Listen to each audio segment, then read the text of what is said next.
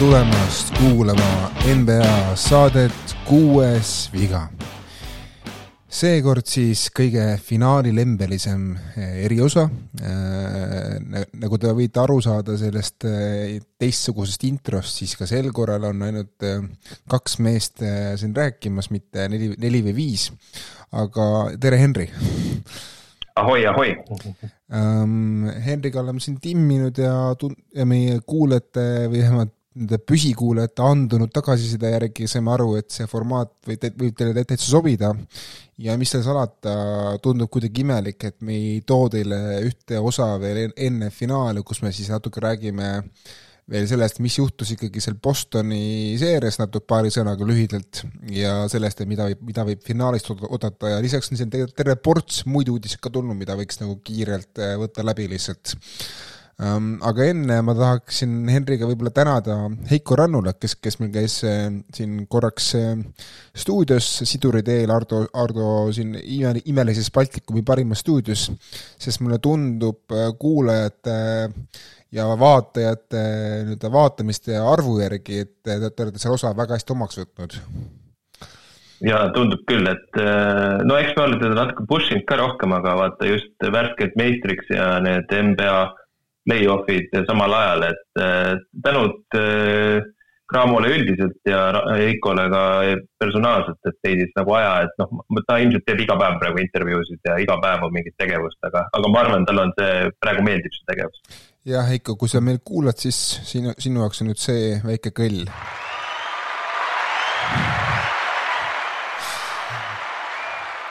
Nii äh,, aplausid antud äh,, lähme siit edasi. Äh,. esmalt siis hakkame pihta kõige aegunumast infost.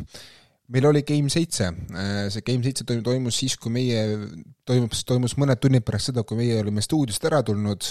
Ja see Game seitse läks natukene nii, nagu mina kusjuures pelgasin, et kogu see Derek White'i noh, üks viimase kahekümne aasta kõige hullumeelsemaid mängulõppe muutub natuke tähtsusetuks, sest Miami Heat pani niisuguses muda, mudavaaduses oma, oma tahte maksma, et kas see oli sinu jaoks üllatus, Henri, või pigem, pigem ei olnud ikkagi? no kui nüüd tagantjärgi siin on info tulnud, et äh, Miami reserveeris lennu äh, Denverisse, mitte Miami'sse äh, koju tagasi siis ja siis tuli välja, et ka Butler oli seal pileteid pakkunud finaali Miami'ga juba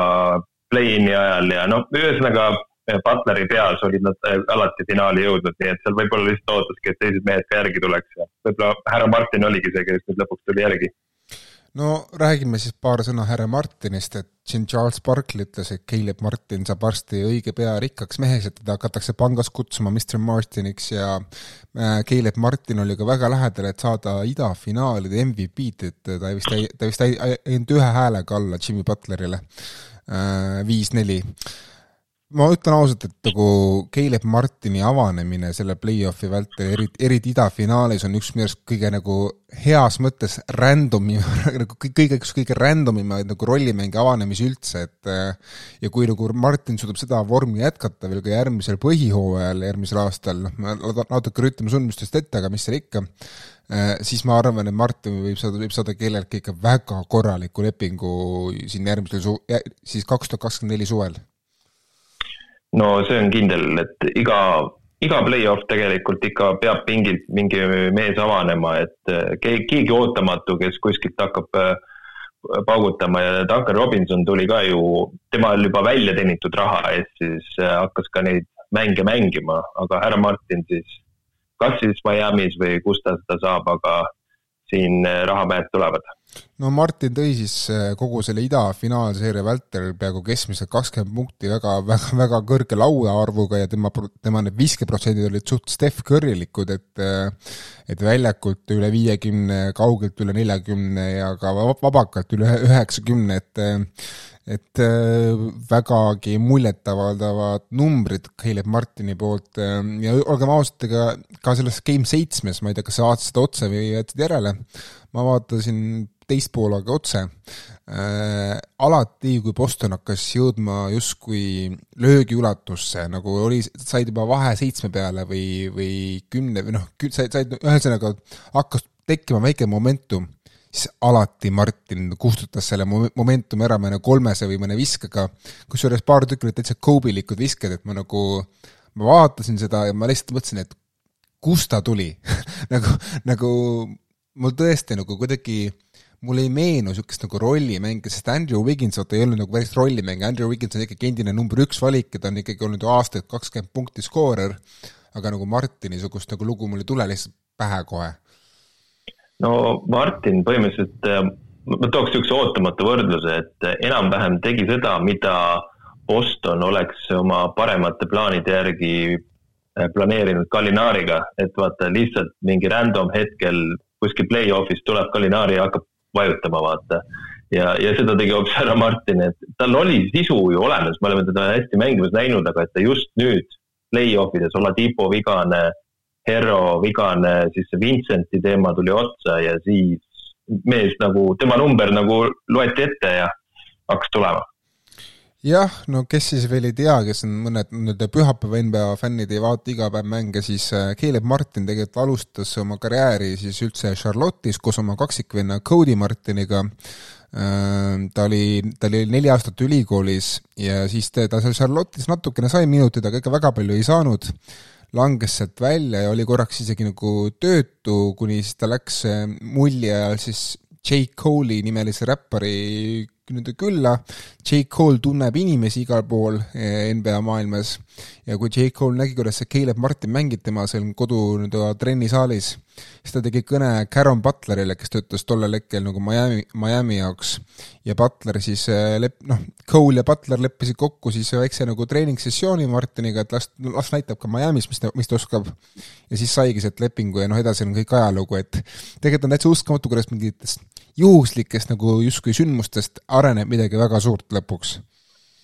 No see näitabki ära, et eh, vaata, alati ei ole oluline, mida sa oskad teha või, või isegi nagu see noh, oskuste tasand, vaid väga palju ka oleneb see, et keda sa tunned, vaata.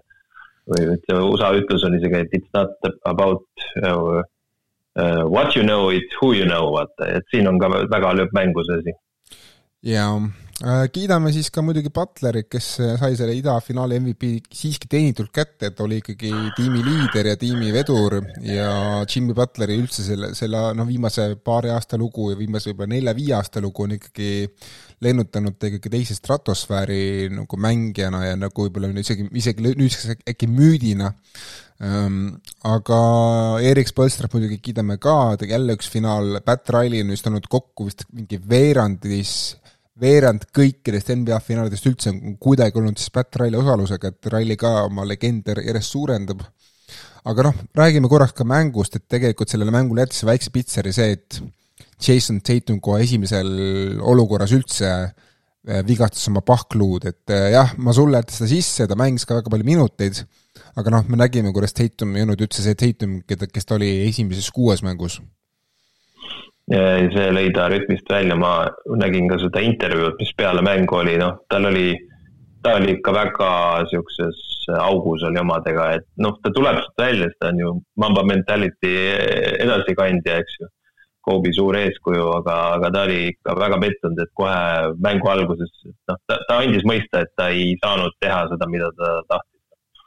nojah, sellises olukorras muidugi kõik pöörasid oma pilgu Jalen Browni poole, kes oli natukene ikkagi tervem kui Tatum, aga Brown sai hakkama võib-olla ühe oma elu kõige kehvima play-off mänguga, vähemalt mis, millel oleks nagu nii kõrge kaal ja kaheksa palli kaotust, kohati nagu selles mõttes kogu seeria, kogu seeria vältel tegelikult oli Brown üsna kahvatu ikkagi võrdlemisi, paar üksikut okeid mängu välja jätta. Caleb Martin mängis Jalen Browni üle ja kõige hullem on selle juures see, Jalen Brown on nüüd äh, kõlbulik äh, kaheksas, kahesaja üheksakümne miljoni dollarilise extensioniks, lepingu pikenduseks eesti keeli. no ma ei tea, kas, kas, kas sa arvad, et see idafinaal nüüd paneb Bostoni inimesed neli korda mõtlema, kas me tahame Brownile seda raha anda? See viis miljonit, kakssada üheksakümmend viis, see on ikka väga, väga, jõhker commitment, et sa pead ju teadma, see on, peab olema franchise player ja kindlasti Brown on ka seda. aga nüüd ongi, eks ju, et neil no, on. praegu just mängis Caleb Martin ta üle, selles mõttes, et Martin, kes teenib neli miljonit dollarit, ma ei tea, palju ta teenib just, just, et kahe peaga lohe on nagu siis see äh, Boston või, et, et noh, et seal on mingeid, mingeid asju nad hakkavad tegema, et äh, Masullast jäi,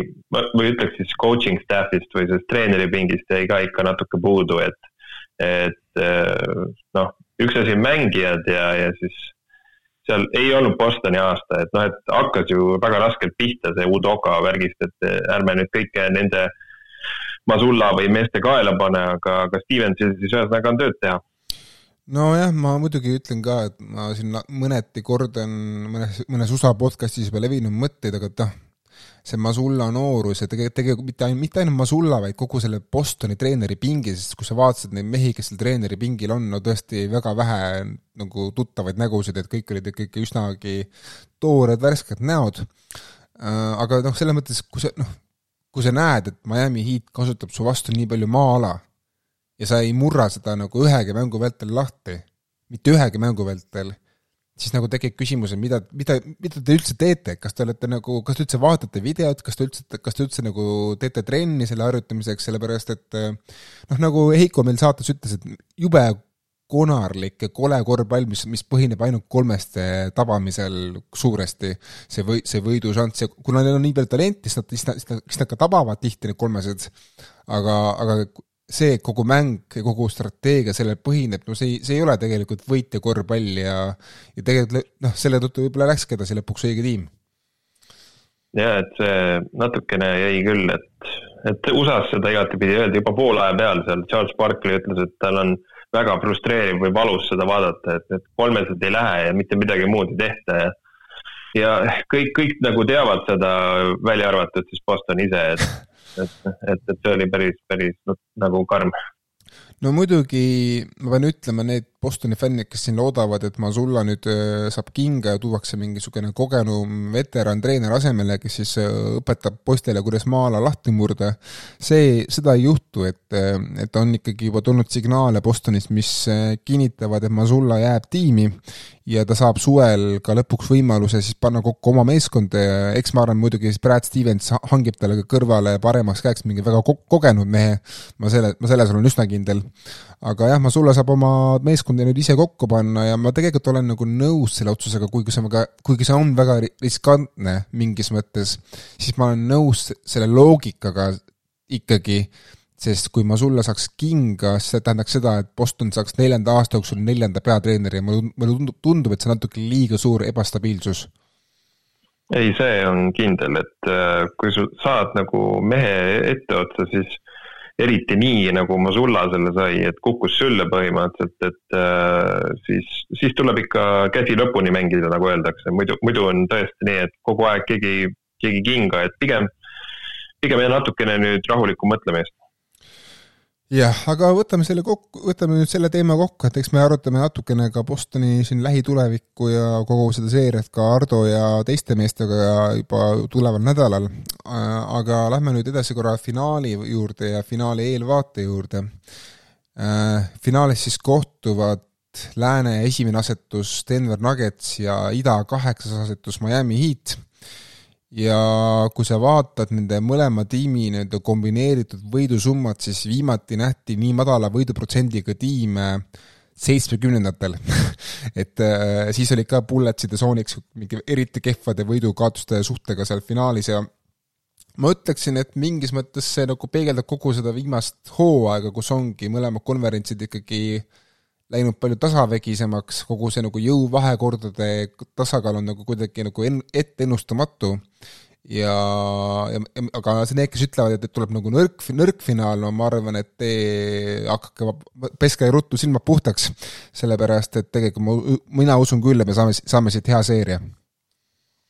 ma tahaks ka nagu loota, et eh, kuigi ma, eks ju, seal eh, viimases meie, kus me saime ka seal stuudios kokku, et, et, et siin ma kardan ka seda Denveri ülesõitu, aga ma ise arvan, et eh,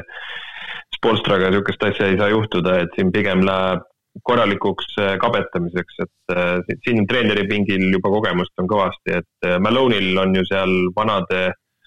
NBA ninade pojad on üles kasvatatud, et need seal on, kõik on NBA läbinisti on seal olemas ees.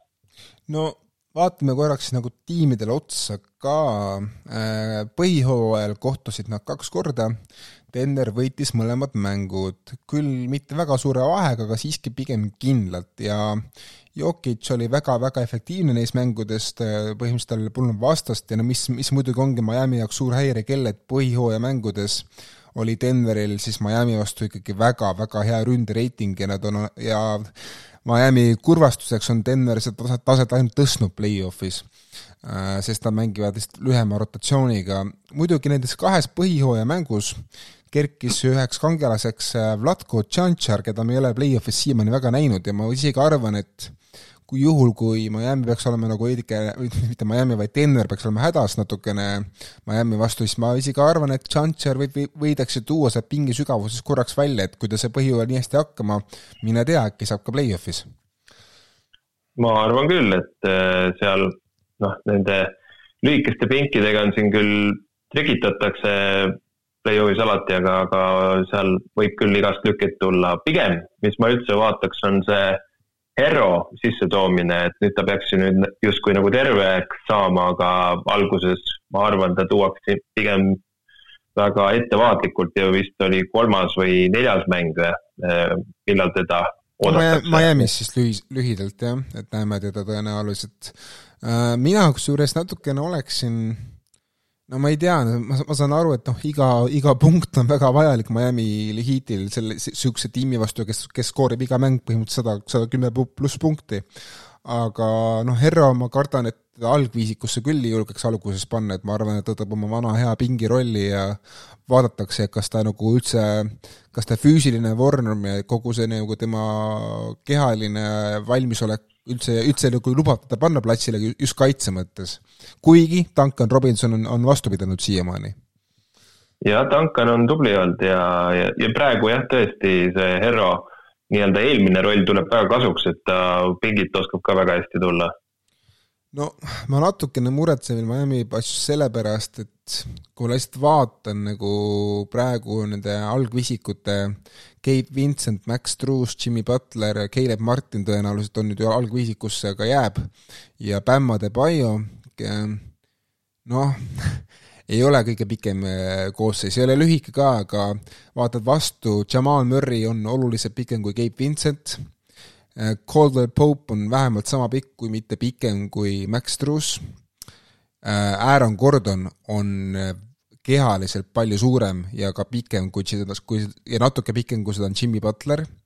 Michael Porter Jr on Caleb Martinist põhimõtteliselt nagu terve, terve korrusjagu pikem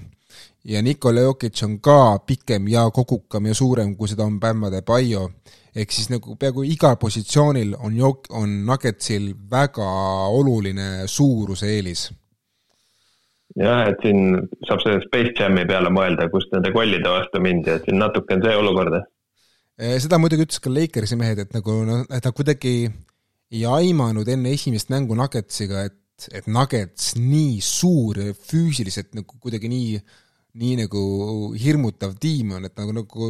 alles, alles siis, kui nad nägid esimest korda tulid platsile, sest noh, põhijooajal noh, võib-olla ei võeta kõike nagu veel nagu päris kulla pähe,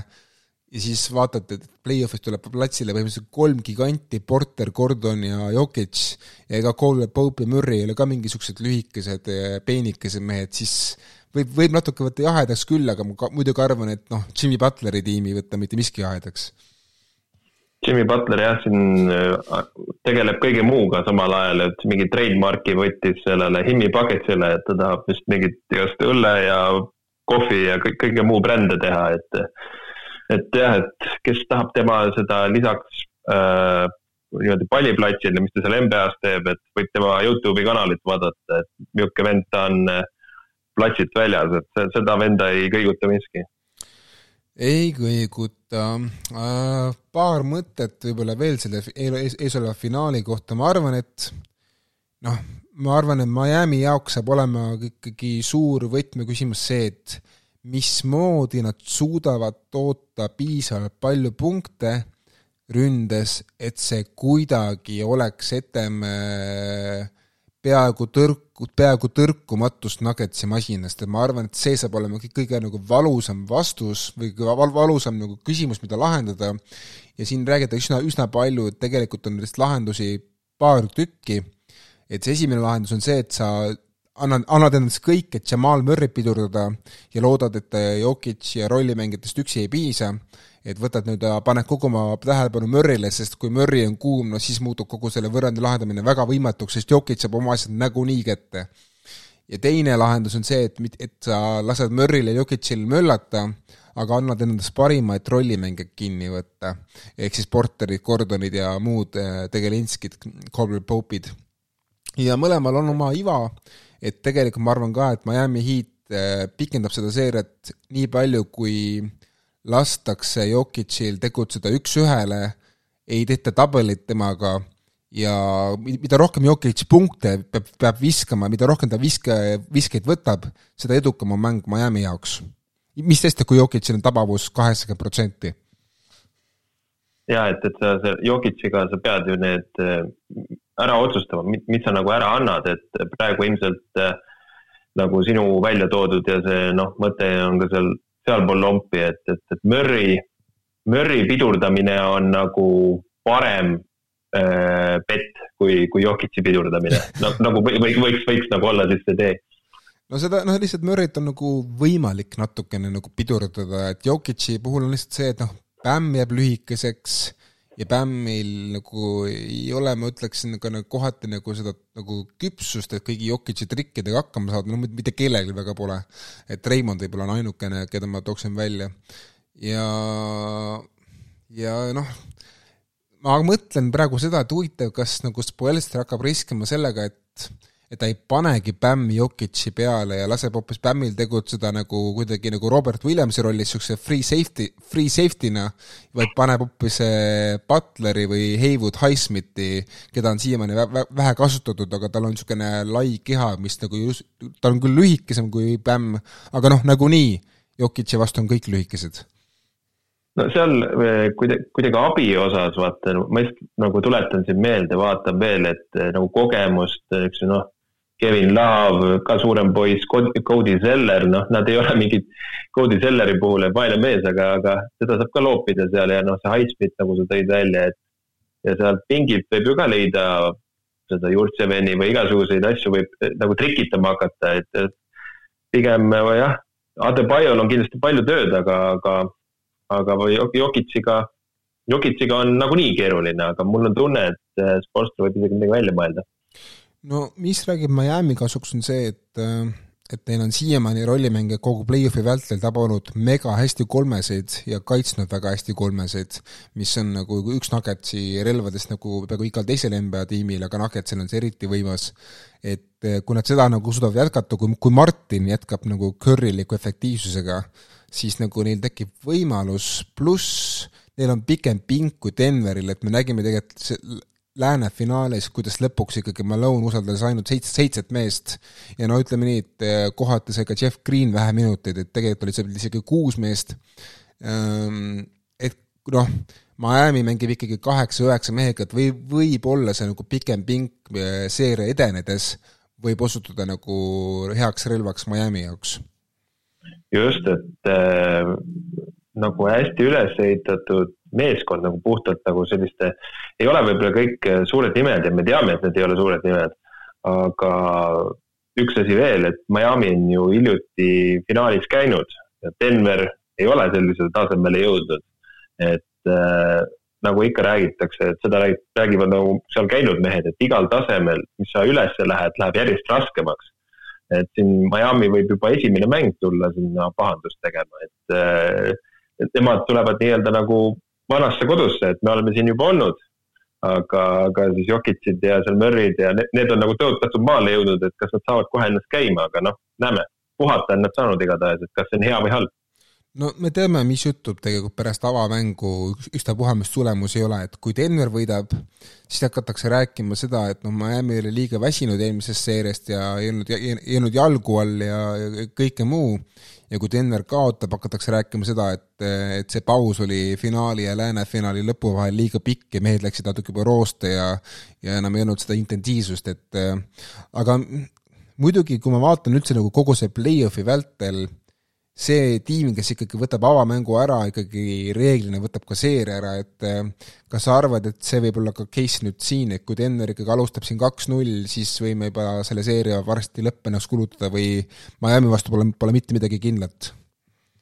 Miami ju äh, kõike seda kogemust arvestades, kas see oli vist neil esimene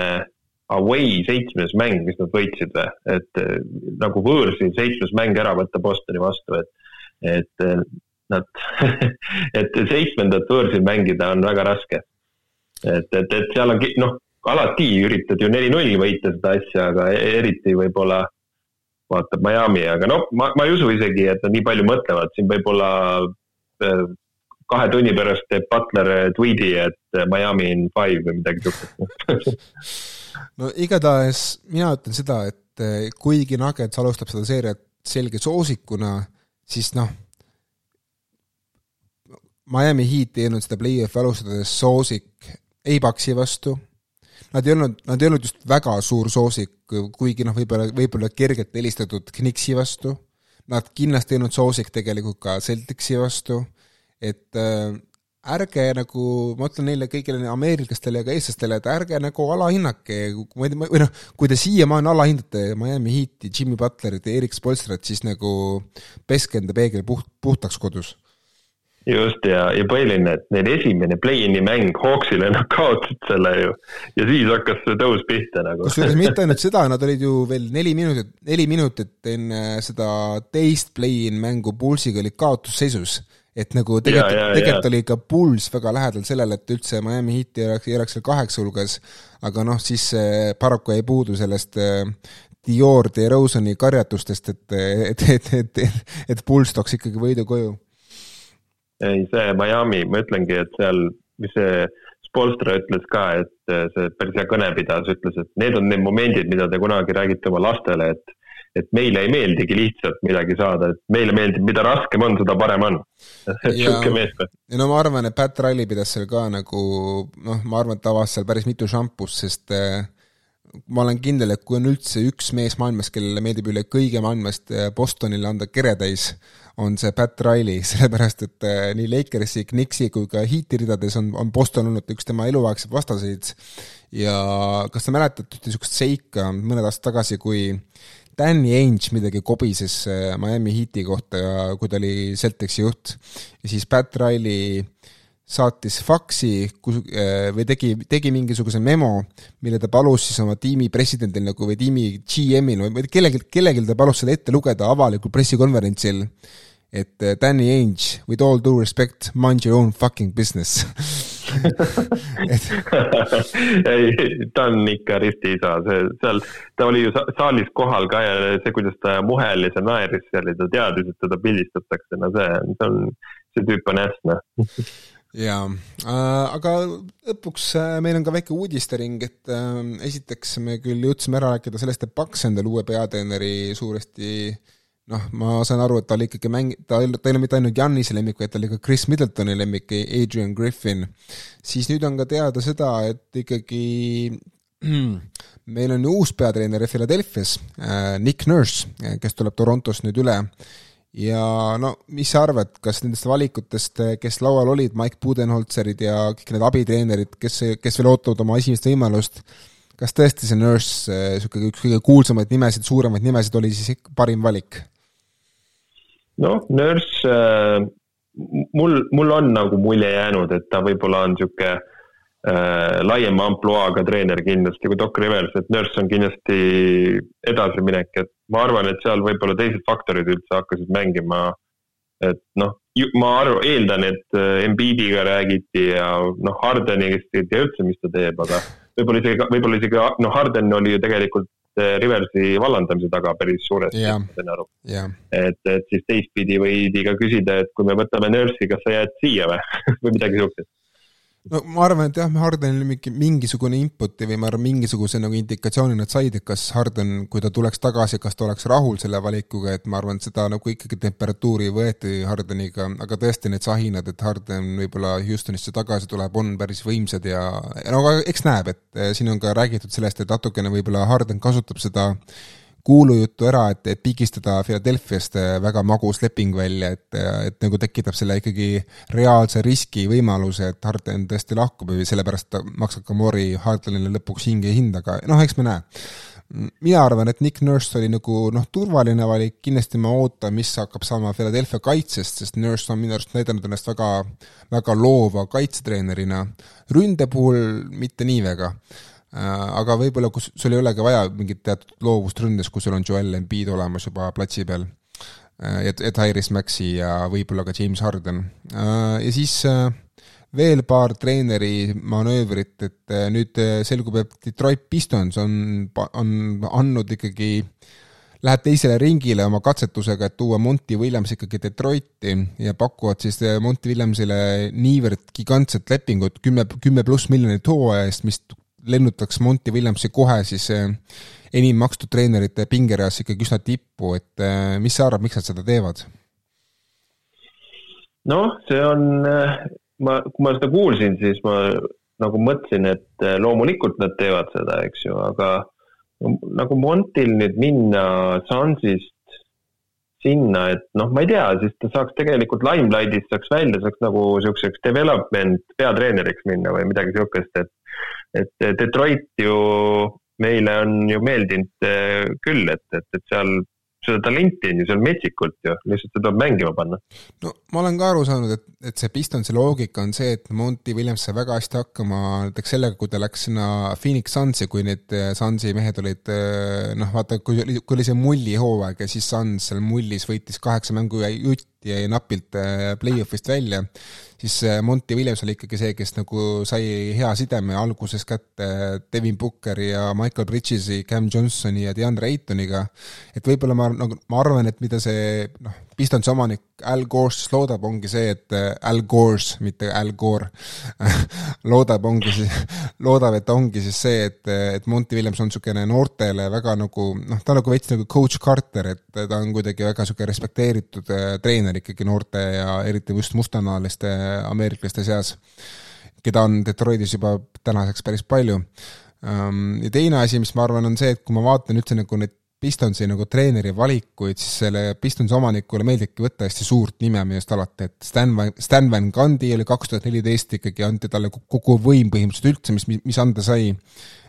Siis toodi pärast Van Gundy vallandamist toodi kohale eelmise aasta coach of the year Dwayne Casey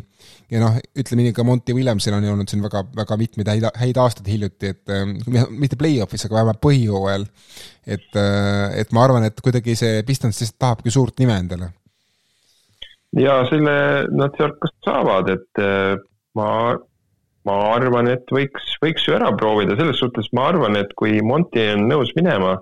raha teenib ta ilusti, ma saan aru, mis see kümme miljonit, eks ju, see on niisugune ikka väga väärikas pakkumine, et et siis eh, noh, ma ise tahaks eh, isiklikult ka näha, et Detroitil noh, see hooaeg läks seal ju ikkagi aia taha, et ma, ma eeldasin, nad saavad juba paremini käima, aga aga nüüd on see Wisemanid ja kõik, seal on seda lihvida teemast on nii palju ja tuleb see Cunningham tagasi ja oi, siis saab nalja no vaatame jah, mis saab, et äh, on öeldud ka seda, et kui Monty Williams ikkagi sellest pakkumisest keeldub ja võtab vaheaasta, nagu ta on äh, väljendanud soovi, et ta võib-olla tahab võtta seda, siis, äh, siis tuleb, saab selle ameti endale tänane Milwaukee Bucksi abiteener Charles Lee, kes on ka olnud juba aastaid-aastaid selles karussellis, et tahab endale peatreeneri kohta siis Phoenix Sunsiga on ikkagi järjest rohkem ikkagi sained, et ka Bill Simmons, kellel on väga head sidemed äh, Phoenixis, ütles, et äh, tegelikult on see juba valik selge, lihtsalt see ei ole avalik, et, et ikkagi tänane Phoenix Sunsi abitreener Kevin Young saab selle töö endale. Äh, aga noh, kuna me Youngist nii väga palju ikkagi ei tea veel praegu, siis ja, ja see ei ole veel ametlik info, siis ma jätan selle analüüsimine teiseks korraks mis sa arvad sellest, et, et New York Knicks äh, nii-öelda ütles ai-, aitäh, tšau, aitäh äh, oma GM-ile Scott Perrile pärast niisugust hooaega? see oli natukene küsimärk, et äh, kas seal siis Perry ise nagu andis mingi, et noh, et minu töö on tehtud või, või, või, või et just Nixil just hakkas minema, eks ju, et mina nagu Nixi fännide asemel oleks natuke murelik nagu, et, et mis see põhjus siis nüüd nii on? see on tõesti, nad pole seda nagu ka noh, põhjendanud millegi muuga, kui lihtsalt leping sai läbi, aga noh, see on natukene nagu okei okay. nagu, nagu kui teil on olnud viimase kolmeaastases, võib-olla viimase kahekümne viie aasta või okei okay,, kahekümne nelja aasta, siis mõne, mõned kõige paremad hooajad üldse, siis ta kuidagi, kuidagi lihtsalt nagu veider, et, et lased, lased, lasete lahti, aga aga noh, mõned siin mingi suured fantaseerijad juba mõtlevad, et äkki see on lihtsalt selleks, et Knicks saaks, saaks endale tuua ühe mehe, kes sai praegu ametis priiks Golden State'is, Bob Myersi, no ma olen suhteliselt kindel, et see ei juhtu. aga, aga no räägime korraks siis Myersi teema ka lahti, et mees, kes oli ikkagi Warriorsi mitme tiitlitiimi arhitekt, kes ehitas selle tiimi üles ja tõi Kevin Duranti ka Golden State'i suuresti koos, koos staarmängijate abiga. no kas see on nüüd tegelikult dünastia lõpu algus, et äh, nende pika, pikaaegne GM ja niisugune noh, kont-, kontorijuht ikkagi lahkub? No siin ütleme jah, et, et minu jaoks hakkas see asi juba pihta sellega, et vaata Igudala viimane hooaeg. Ja siis siin on üsna selge, et vaata rahalistel põhjustel neil läheb seal ju veel neid mehi, et et noh, selge see, et vaata Curry'st nüüd hakatakse pigistama ja ka Lebroni viimased hooajad, et nüüd seda nüüd mitte laiemaks rääkida, seda teemat, aga et NBA-l on ju mure tegelikult, et oma suured nimed hakkavad lõpetama, et siis on vaja uusi nimesid asemele, aga et siis on päris palju teemasid ja Golden State'iga ilmselt seal tuleb natukene nüüd tekitada, et mis sealt veel kätte saada no vaatame, mis Myersist saab, räägitakse, et Myers lihtsalt, eh, lihtsalt väsis ära sellest tööst ja ma, tegelikult ma saan temast aru, kui sa oled ikka kümme aastat Raymond Green'i ohjeldanud, siis mind väsitakse, mind väsitakse ka ära. aga, aga noh, ma arvan, et, ma arvan, et asi oli ka natukene ikkagi sellest, et ta ise seda ei tunnista, ta, tal oli väga sisukas pressikonverents ja ma võin sellest rääkida ka mõnes meie järgmises eh, enama külalistega stuudios veel natuke rohkem, sellepärast et seal oli nii mõndagi huvitavat tegelikult, mis Warriorsist võib rääkida siin järgmistes saadetes aga mis ma ütleksin Myersi puhul oli ikkagi kõnekas, ma arvan, see, ta ei, ta ise, ise ei tulista seda, aga, aga see uus, vaata, NBA kollektiivleping mängijate klubide vahel, tegelikult see on ikkagi niisugune kirstunael Warriorsi ja Clippersile, kes kulutavad praegu väga palju oma tiimide peale, ma arvan, et ta lihtsalt ei tahtnud olla see mees, kes peab nagu lisaks kõigele muule ja lisaks, lisaks, lisaks kõigile ootustele, mis Golden State'is alati on, peab hakkama maadlema ka sellega, kuidas, kuidas, kuidas ma saan seda tiimi teha odavamaks, nii et ma säilitan nagu noh, championship tasemet,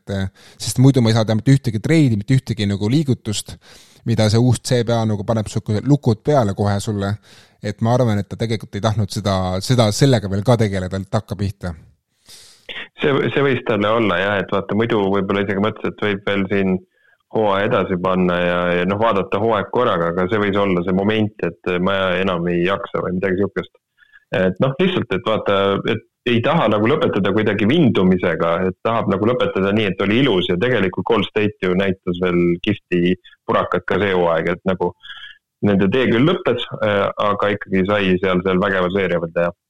jah, ma nii palju annan nagu vihjeks eh, meie kuulajatele, et mida, millest ma hakkan rääkima võib-olla mõnest, mõnes saates pärast finaali, on lihtsalt see, et ma nagu muretsen Golden State'i nagu tuleviku pärast pikemas plaanis, sest kuigi ma ei kahtle Mike Dunleavy Junioris, keda sahistatakse, et ta võtab siis Myersi töö üle,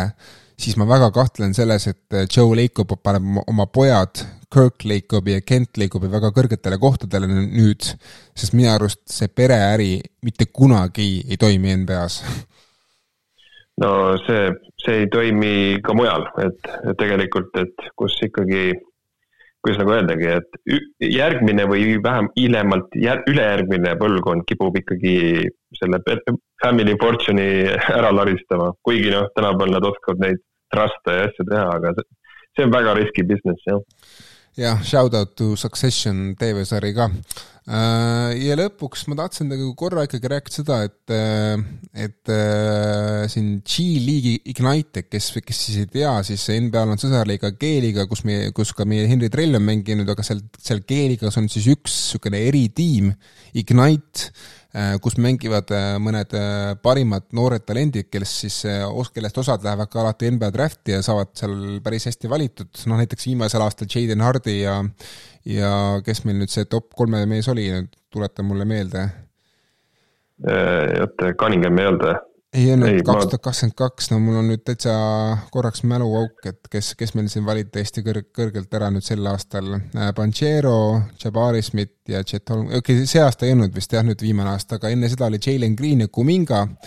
ja siis nüüd nad said endale järgmise aasta kaks parimat valikut, äh, siis äh, meil äh, leedukas Puzelis ja ameeriklane Ron Holland.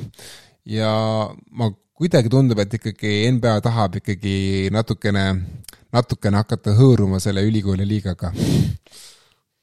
no mis seal teha, et G-liiga nüüd on tõusul ja ma ütlen küll, et kui, mis siin oli veel üks või ütleme, kaks-kolm hooaega tagasi enne koroonat, siis oli G-liiga oli niisugune, niisugune põrgukoht, kuhu sattuda või kuhu saadetakse kannatama, siis nüüd ta enam seda ei ole tuleb meelde küll, Tyson Daniels oli see mees, kes valiti top kümnes ära. Äh, aa, see praegu... austraallane, jah? jah, ta on praegu Pelicansis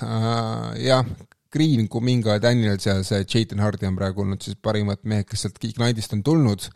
aga ma ütlen ausalt, et kui noh, ma muidugi ei tea, mis lõpuks sellest Puzelisest saab, aga natuke teid kadeldakse, et Leedu, kellel tegelikult ei ole ju päris mõnda aega noh, niisuguseid nagu noori tegelikult peale tulnud, et Tomantas ja Joonas tulid, aga aga noh,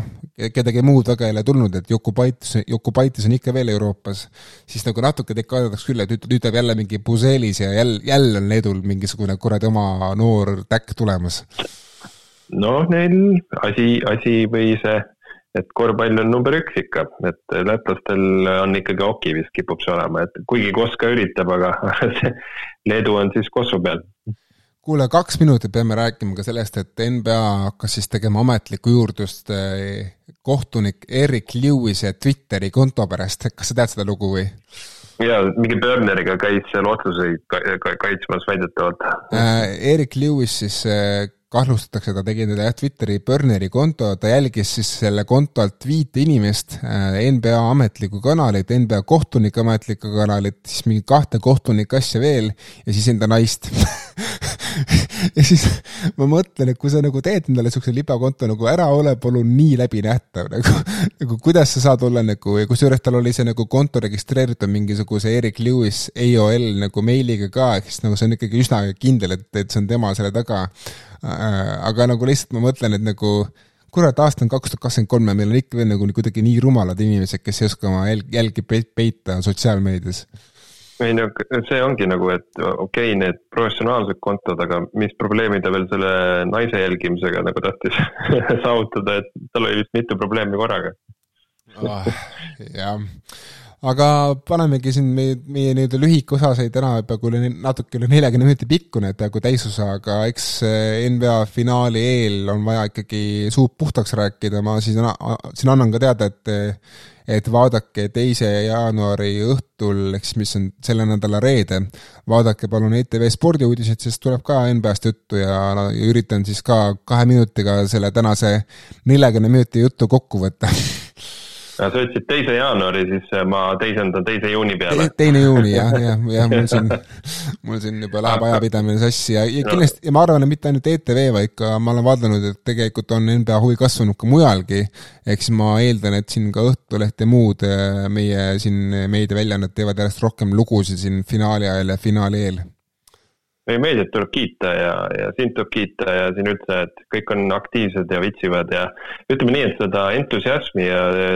nagu tegemist on äh, vabariigis Kosovo nimel päris palju. on küll. nii, aga aitäh, Henri, et sa tulid jälle siia, et saime natuke jälle rääkida Kosovo juttu ja tšau no., pakaa, kuulake meid ja kirjutage meile kuues viga, et gmail.com. tšau, pakaa.